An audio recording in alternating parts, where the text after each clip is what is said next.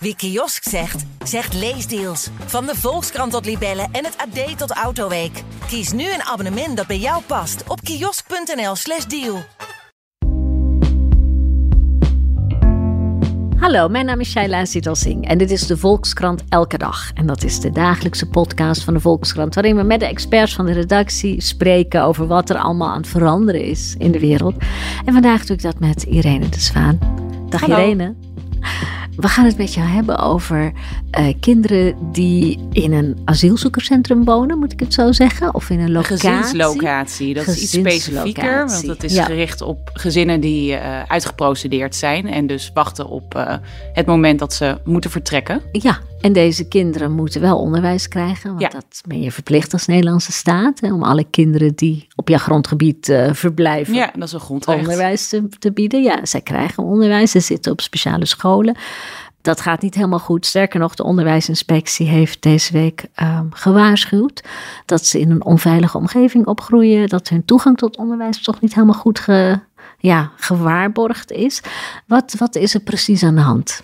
Ja, de onderwijsinspectie heeft eh, vijf eh, scholen bezocht Mhm. eh, die op het terrein van zo'n gezinslocatie staan.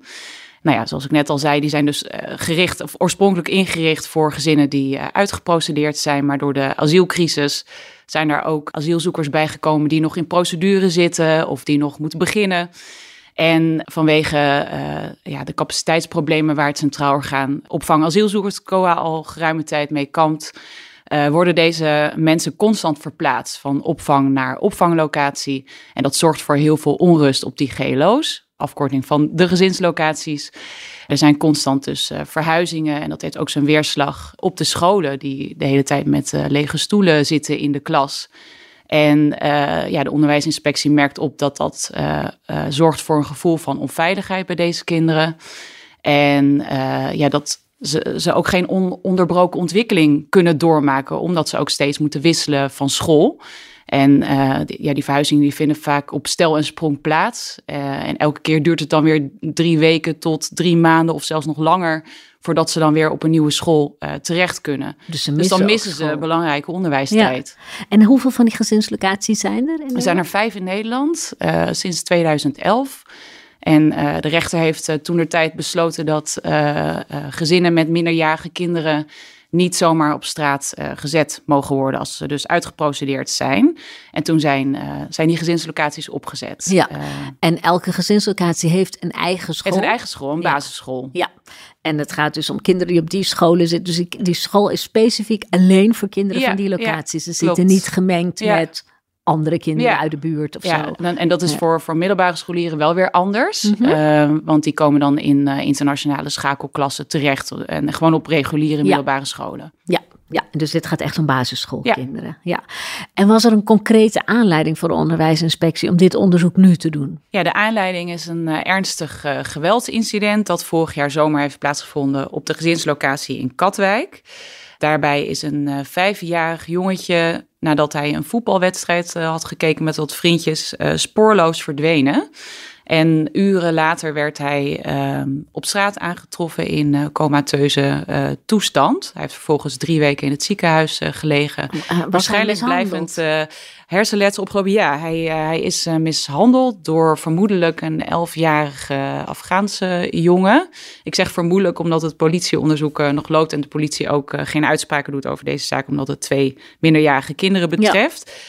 Maar beide waren dus bewoners van, van deze gezinslocatie en gingen ook samen naar school, naar de Verrekijker. Eh, en inmiddels zijn beide kinderen verplaatst naar andere locaties. Maar het heeft wel een enorme impact eh, gehad op de bewoners van deze GLO en ook op hun veiligheidsbeleving. De eerste weken, maanden hebben de ouders hun kinderen ook niet meer alleen eh, durven laten, niet meer alleen op straat durven laten spelen. En toen dacht de onderwijsinspectie, we gaan even heel, heel precies kijken Ja, wat er nou met ja, deze en kinderen een aan aantal, de hand is. eh, aantal maanden eerder is ook al een brief eh, verstuurd door de burgemeesters van de gemeente waar zo'n GLO staat. Mhm. Waarin ze ook al zeiden van de veiligheidssituatie staat onder druk. Dus die, die twee dingen, dus het ernstige incident in Katwijk... plus die brandbrief van de burgemeester... heeft ervoor gezorgd dat de onderwijsinspectie eh, ja, dit is gaan onderzoeken. Je hebt ook zo'n school bezocht, hè? Een eh, eh, school, in welke locatie was dat? Katwijk. Ja. Ja, de verrekijker, De ben je geweest. ja. 130 leerlingen, 35 nationaliteiten. Heel veel nationaliteiten. Ja. en wat trof je daaraan? Ja, het, eh, wat me vooral opviel en ook wel raakte, was de enorme bevlogenheid van, eh, van de leerkrachten. Die eh, ondanks de moeilijke omstandigheden zich echt met hart en ziel inzetten voor deze kinderen. Bij binnenkomst stuit je op een muur met allemaal foto's van, van kinderen die zijn vertrokken. Ze noemen dat de vergeet mij nietjes muur. Geen dag is hetzelfde daar, want, want ja, ze hebben te maken met een constant wisselende samenstelling. De klassen worden bewust eh, klein gehouden, ongeveer 15 kinderen per klas. En dat heeft te maken dat ze elk kind op hun eigen niveau moeten bedienen. Want elk kind heeft een, een andere achtergrond. Sommigen hebben nog helemaal geen onderwijs eh, genoten, bijvoorbeeld als ze uit Syrië komen. Eh, sommigen kunnen nog geen Nederlands. Eh, anderen zijn in Nederland geboren. Dus het is een hele diverse samenstelling. En heel veel kinderen kampen met trauma's, met gedragsproblematiek. Eh, dat uit zich in eh, bedplassen, hoofdpijn, buikpijn. In elke klas hangt ook een, een kaart eh, met verschillende gemoedstoestanden. Kunnen de kinderen aanwijzen hoe ze zich voelen. En heel veel kinderen wijzen dan op moe. Ze zijn vooral heel erg moe. En ze vallen ook geregeld in slaap in de klas. Er zijn in sommige klassen staat een tentje met wat, wat knuffels en kussens. Als het de kinderen even te veel wordt. Ja, dus en het is dat best ze wel... zo moe zijn, is het omdat op die gezinslocaties het leven zo onrustig ja, is? dat is ook wat de onderwijsinspectie vaststelt. Hè, dat gevoel van onveiligheid heeft, eh, eh, ja, valt de scholen niet aan te rekenen. Want dat is eigenlijk een hele veilige haven voor deze kinderen. Maar dat komt echt door die gezinslocaties waar zij opgroeien. Dat zijn eh, hele sobere ruimtes, gericht op kortstondig verblijf. En de praktijk is anders, want vaak verblijven ze er jaren. Ik ben er vijf jaar geleden een keer geweest, eh, omdat er toen een ander rapport uitkwam. Toen mocht ik ook binnenkijken. En wat ik me ervan kan herinneren, is dat het ja, hele kleine, bedompte ruimtes zijn. Eenvoudig ingericht met een aantal stapelbedden. Sommige gezinnen hebben een eigen keukenblok eh, en badkamer. Er zijn ook veel gezinnen die dat eh, met elkaar moeten delen. Ja, er worden heel weinig activiteiten georganiseerd. Eh, de mensen hangen daar maar een beetje rond. Eh, de ouders mogen ook niet werken. Nee, want Dus, het, eh, idee, het idee achter die gezinslocaties is: dit zijn mensen die eigenlijk het land moeten verlaten. Ja. Maar we zetten ze niet op straat omdat ze minderjarige kinderen hebben. En dan gaan ze dus ook heel snel weg. Maar zo werkt het Nederlandse nee, asielsysteem nee, zo werkt de het systeem niet. Nee, ook Ja. omdat die, die ouders ehm, eigenlijk alles aangrijpen om alsnog kans te maken op een verblijfsvergunning. Het is natuurlijk een hele uitzichtloze situatie waar ze in zitten. Mhm. En als er een veranderde omstandigheid is, dan eh, biedt dat grond voor een nieuwe procedure. Dus wat je heel veel ziet, is dat gezinnen bijvoorbeeld nieuwe kinderen krijgen. Eh, want dat is een veranderde omstandigheid. En dan kunnen ze weer opnieuw procederen. Maar ze blijven dan wel in die Ze gezinslocaties blijven dan daar zitten. hangen en, Ja. en soms worden ze dan ook weer verplaatst. Hè, als, als, als er weer, ehm, nou, als ze weer helemaal eh, een, een nieuwe procedure moeten beginnen, dan moeten we weer naar Ter Apel. Eh, en uiteindelijk belanden ze dan weer in een gezinslocatie. Dus ja, het is een Dus hele- zo kan het gebeuren dat je daar jaren zit. Ja, jaren. Ja, en dat geldt dan dus echt voor de uitgeprocedeerde gezinnen. Je hebt dus nu die nieuwe groepen die erbij zijn Ja. gekomen. En die nieuwe groep, die horen daar eigenlijk helemaal horen niet. daar niet, maar omdat er dus- een opvangcrisis is, komen die daar ook terecht. Ja, omdat er dus gebrek is aan opvangruimte. Gebruiken ze nu die GLO's ook om, om deze groepen asielzoekers op te vangen. Dus dat zorgt voor een hele dyna- eh, ja, nieuwe dynamiek. Ja, want, dat hebt dus zijn nu- mensen die nog in de procedure zitten. die zitten nog in de procedure. Dus je hebt dan Ja. mensen die uitgeprocedeerd zijn, die nu samenwonen met mensen die nog in de procedure zitten, die nog hoopvol zijn. Ehm, mensen die nog gaan beginnen aan een procedure. Dat zorgt natuurlijk ook voor gevoelens van jaloezie, eh, Ja. frictie, wrijvingen.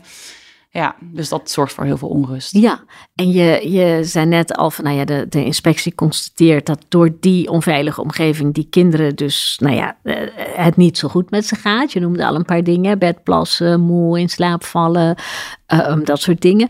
Eh, wat is de, ja, de, de, de grote gemene deler die al deze kinderen delen? Ja, ik denk toch een gevoel van sociale onveiligheid. Mhm. Ehm, ze zien natuurlijk constant klasgenootjes verdwijnen.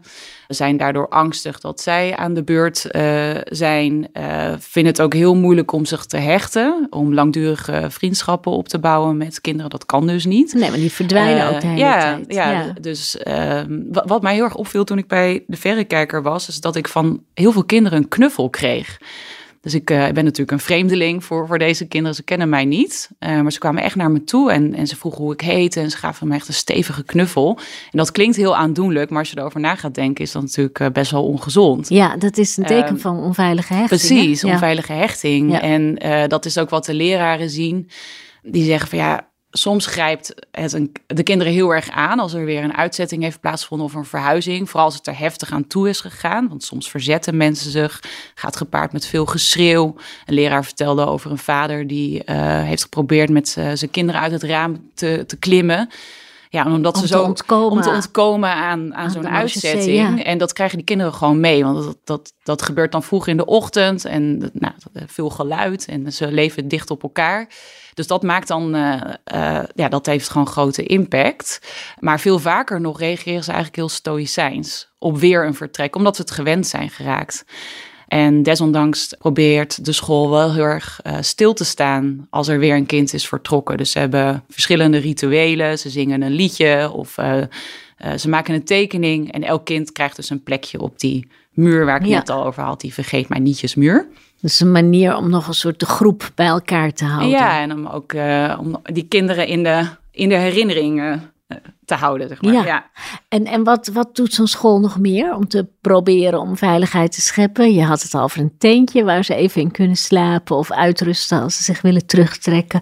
Wat, wat zijn er nog meer van die specifieke dingen die, nou, die je op zo'n basisschool kan De meeste docenten hebben een, uh, een training gevolgd voor traumasensitief uh, mm -hmm. onderwijs. Zodat ze ook herkennen van, oh, dit, dit is uh, gevolg van trauma. En hoe, ja, ook om beter met die gedragsproblematiek om te gaan.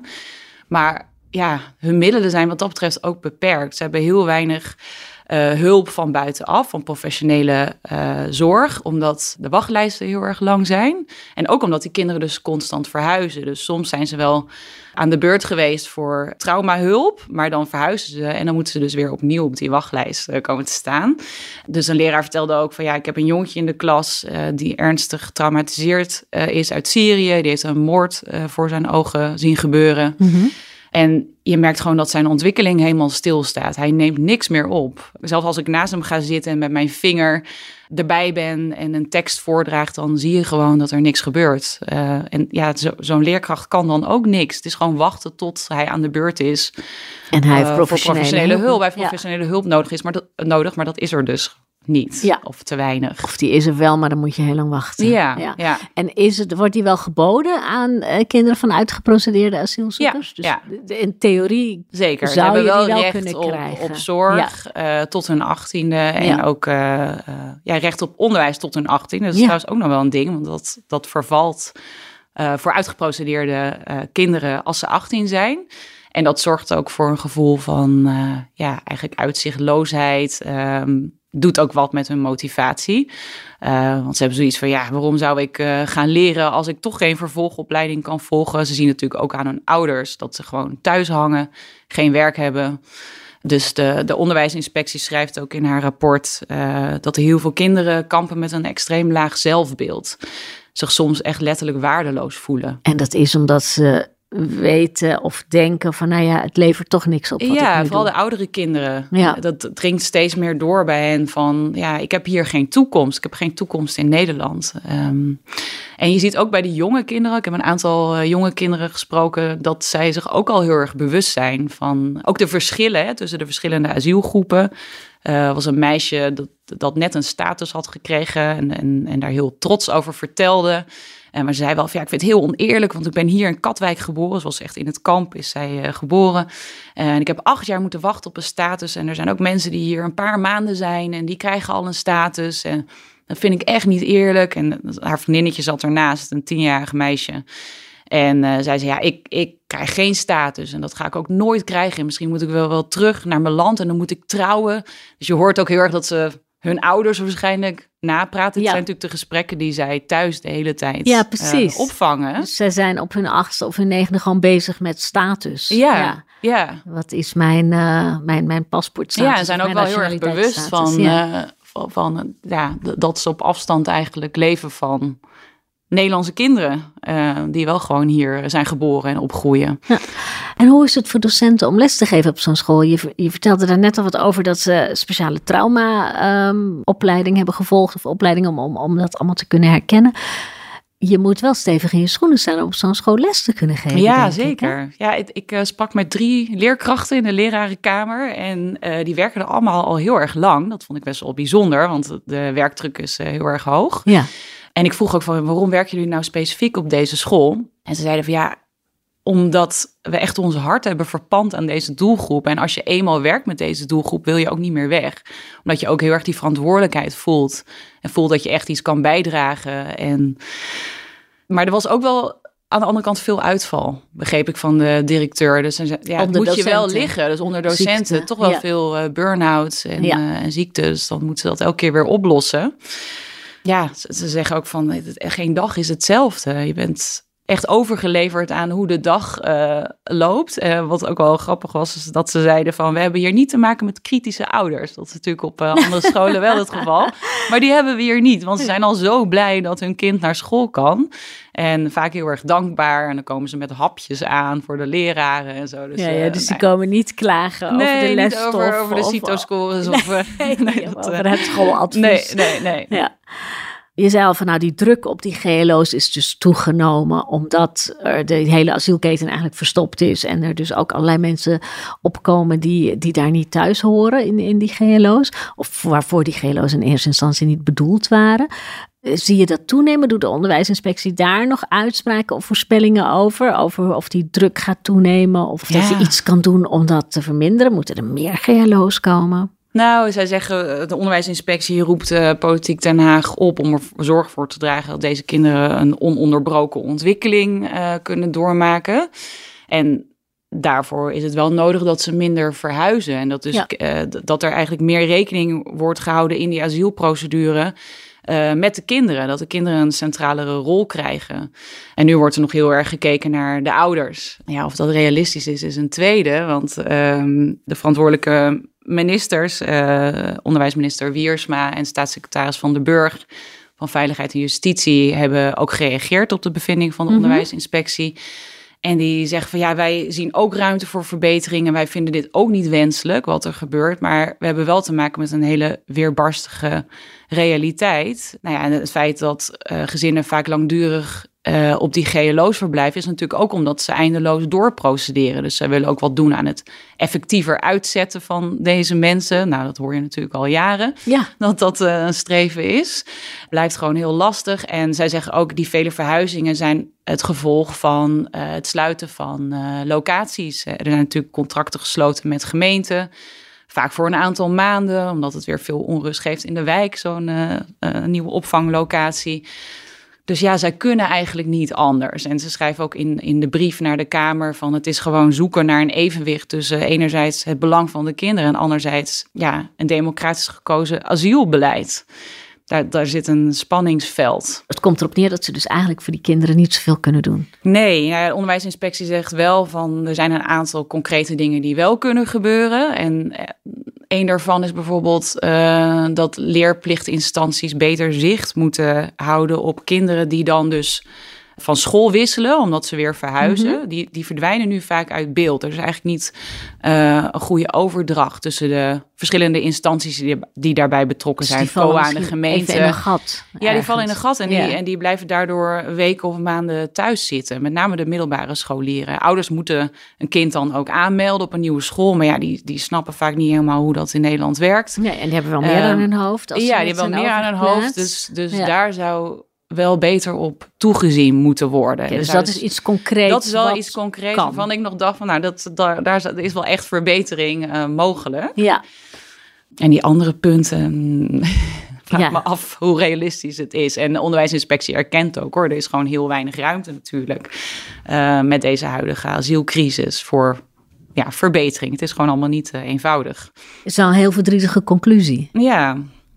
Welk kind is jou het meest bijgebleven van de verrekijker? Een achtjarig meisje. Blan het is. Ik hoop dat ik het goed uitspreek. Ja. Um, zij heeft Eritrese ouders. En ze was heel levenslustig. Dat vond ik wel heel leuk om te zien. Want, want uh, ja, kinderen zijn ook vaak stil en teruggetrokken. Uh, maar zij zat echt boordevol toekomstplannen. Heel praatgraag meisje. Ze wilde ehm, juf worden van, van een school, maar ook dansjuf oh, en zangjuf. En zwemlesjuf. Oh ja. Uh, elk iets pedagogisch. Ja, ja precies. uh, en, en ze schreef haar eigen liedjes. Um, en, ze, en ze wilde ook uh, heel veel gaan reizen, zei ze. Naar Parijs. En ze wilde de Eiffeltoren zien. En ja, vond ik wel heel leuk om te zien dat... ja, dat, dat er toch nog wel wat levenslust ook in die, die kinderen zit. En de andere twee kinderen die ik sprak waren juist heel erg stil. Nou, hopen voor Blen dat het... Uh, ja, dat het allemaal uitkomt. Alles waar ze over droomt. Ja. Dankjewel, Irene. Graag gedaan.